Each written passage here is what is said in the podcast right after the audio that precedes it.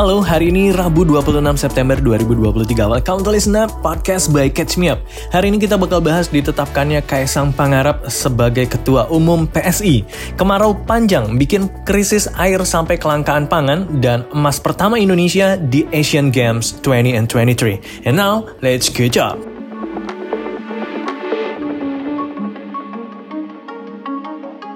Well, kalau kamu pikir masuk dunia politik itu berawal dari krucil-krucil bawah di jadi keset dulu gitu ya. Maka Kaisang Pangarep ini can relate nih ya. Secara kemarin setelah resmi join ke Partai Solidaritas Indonesia aka PSI, anak bungsunya Presiden Jokowi itu langsung ditetapkan sebagai ketua umum partai. Ya, jadi sejak berbulan-bulan lalu isu Mas Kaisang mau join ke politik ini rame banget diomongin di mana-mana. Partai yang disebut bakal menaunginya pun bermunculan. Nggak terkecuali PDI Perjuangan, partai yang sudah membesarkan ayah dan kedua kakaknya itu. Tapi ya masih belum pasti, sampai akhirnya kepastian dari Mas Kaisang pun muncul. Ya, dia fix join ke politik, tapi nggak ke PDI Perjuangan, it's none other than Partai Solidaritas Indonesia. Disampaikan langsung oleh Mas Kaisang, alasannya gabung ke PSI itu karena punya banyak kesamaan visi, misi, dan keinginan yang sama dengan partai ini guys. Di mana mereka pengen anak-anak muda ini lebih terlibat di sektor politik. Menurut Mas Kaisang ini, anak muda itu harusnya bisa jadi objek yang aktif pemilu di 2024 nanti. In his word, Mas Kaisang bilangnya begini. Kami ini kebetulan punya uh, kesamaan dan keinginan. Kami ingin anak-anak muda itu bisa lebih terlibat di sektor publik.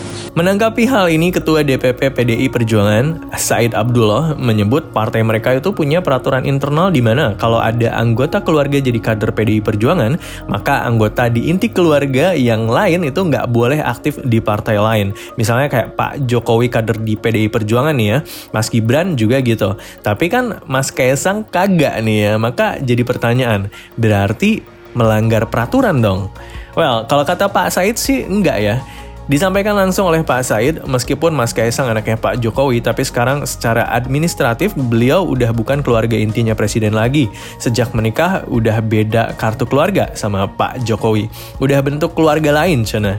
Meanwhile, peraturan di atas berlaku cuma untuk keluarga inti, jadi ya nggak ada hal yang luar biasa katanya gitu.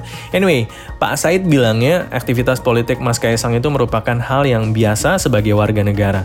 Tapi ya balik lagi dalam keterangannya kemarin, Pak Said bilang rekam jejak Jokowi sejak 2004 lalu dari masih level kepala daerah sampai sekarang presiden dua periode ya bakal mempengaruhi siapa pun apalagi Mas Kaisang sendiri sebagai anaknya.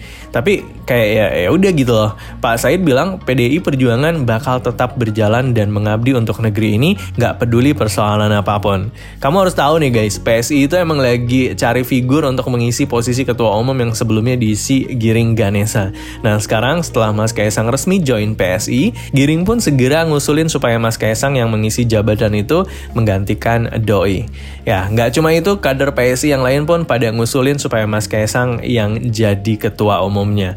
And there's that, Senin kemarin Mas Kaisang resmi ditetapkan sebagai ketua umum PSI. Lewat Kopi Darat Nasional aka Kopdarnas PSI yang dilangsungkan di Jakarta Theater, Wakil Ketua Dewan Pembina mereka, Grace Natalie, resmi memutuskan dan menetapkan Mas Kaisang sebagai Ketua Umum DPP PSI periode 2023-2028. Well, kalau kata Giring sih, pembahasan terkait sosok penggantinya sebagai Ketua Umum itu emang udah diomongin di internal partai sejak berbulan-bulan lalu.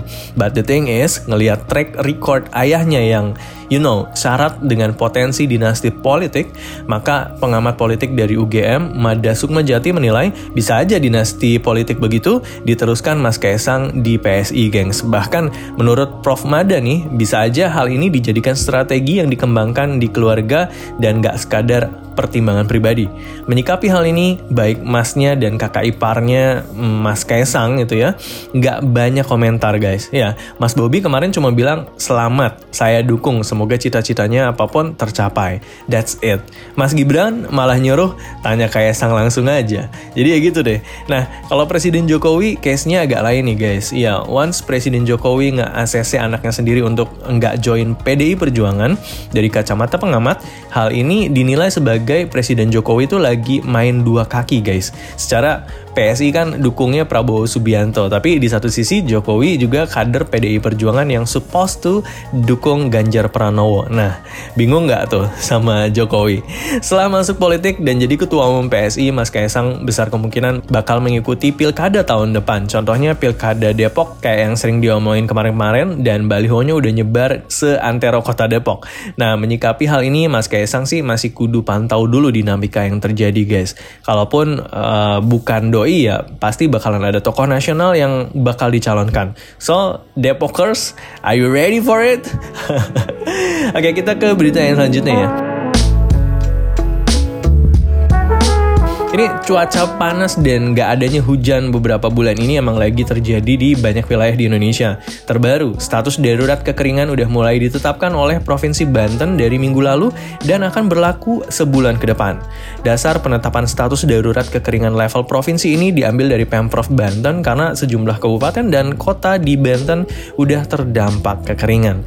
Menanggapi hal ini, Jumat kemarin, Kepala Pelaksana BPBD Banten, Nana Suryana, menyebutkan kalau bantaran sungai Ciu ujung yang biasanya dimanfaatkan sebagai pasokan air, kini udah kering kerontang dan sama sekali nggak bisa dimanfaatkan lagi.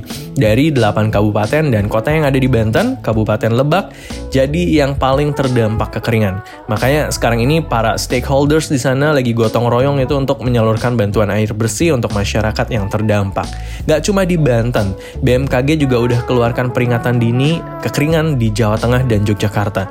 Ada empat kategori peringatan dini kekeringan, mulai dari kategori kategori tidak ada peringatan sampai awas. Kategori awas jadi kategori paling tinggi dengan indikasi suatu daerah udah nggak ngalamin hujan selama lebih dari 61 hari dengan perakiraan curah hujan rendah yang kurang dari 20 mm dasarian.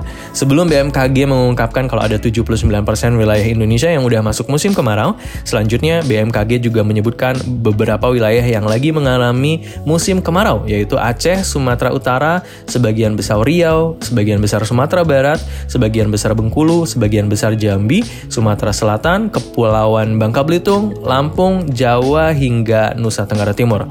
Kalimantan Barat, Kalimantan Tengah, Kalimantan eh, Selatan, Kalimantan Timur, sebagian besar Sulawesi Utara, Gorontalo, Sulawesi Tengah, bagian utara dan tengah, Sulawesi Selatan, Sulawesi Barat, Sulawesi Tenggara, sebagian Maluku Utara, sebagian Maluku, sebagian Papua Barat, dan Papua bagian selatan. Waduh, banyak banget kan ya? Nah, hal ini kemudian berdampak pada krisis pangan yang mulai terjadi di beberapa daerah. Contohnya, baru aja nih, pejabat Bupati Flores Timur NTT bernama Doris Alexander Rihi menerbitkan imbauan ke masyarakatnya untuk nggak makan nasi tiap Jumat. Iya, imbauan ini udah diterbitkan dari Kamis kemarin sebagai upaya untuk mengantisipasi krisis pangan dan ancaman kekeringan di NTT. Pak Doris bilang bahwa imbauan puasa nasi ini tuh diambil untuk menyikapi inflasi daerah yang dipengaruhi kenaikan harga beras. Selain itu, ada upaya dari Pak Doris untuk melakukan diversifikasi pangan berbasis sumber daya lokal yang ada. Ngomongin beras, harga rata-rata nasional beras di tingkat pedagang eceran emang lagi melambung nih guys. Puncaknya terjadi hari Kamis kemarin dengan harga beras yang menyentuh 14.600-an per kilogramnya untuk beras premium dan 13 ribuan uh, per kilogram untuk beras medium. Hari ini udah masuk rekor baru setelah melampaui harga eceran tertinggi yang ditetapkan pemerintah sejak Maret lalu. Meskipun begitu, harga beras dan gabah di tingkat produsen masih berfluktuasi. Kalau kata Presiden Jokowi minggu lalu sih, emang harga beras nih masih belum turun. Penyebabnya adalah efek super El Nino yang lagi melanda berbagai provinsi di Indonesia. Pakar lingkungan Universitas Indonesia bernama Mahawan Karuniasa bilang bahwa super El Nino ini tuh kayak El Nino yang lebih ekstrim dari biasanya. Jadi super El Nino ini semacam fenomena atmosfer yang dampaknya bikin curah hujan berkurang secara ekstrim. Well, untuk mengatasi kekeringan ini, pemerintah bersama lembaga-lembaga terkait masih fokus untuk memberikan supply bantuan air bersih kepada masyarakat yang berdampak. Ada banyak banget pihak swasta sampai komunitas yang ikut bantu supply air bersih.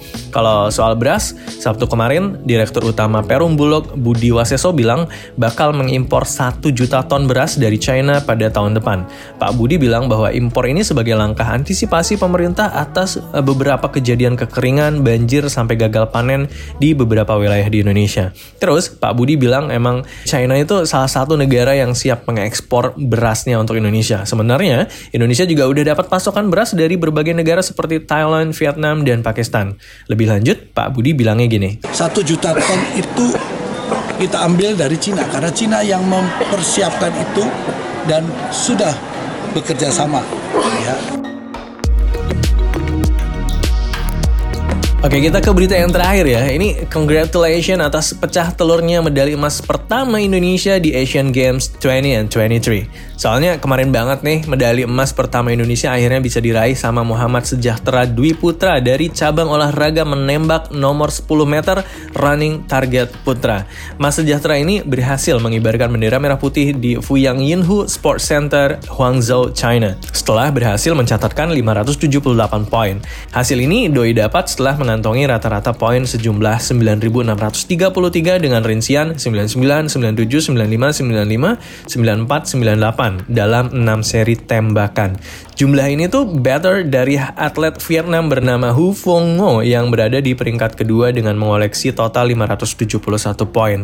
Dari tambahan medali ini, kontingen Indonesia udah meraih satu emas, satu perak, dan empat perunggu di Asian Games 2023. Medali-medali lain ini diraih dari cabur menembak, wushu, dan dayung. Oke, itu dia untuk listen up kali ini. Sampai ketemu lagi di episode selanjutnya di hari Jumat. Bye now!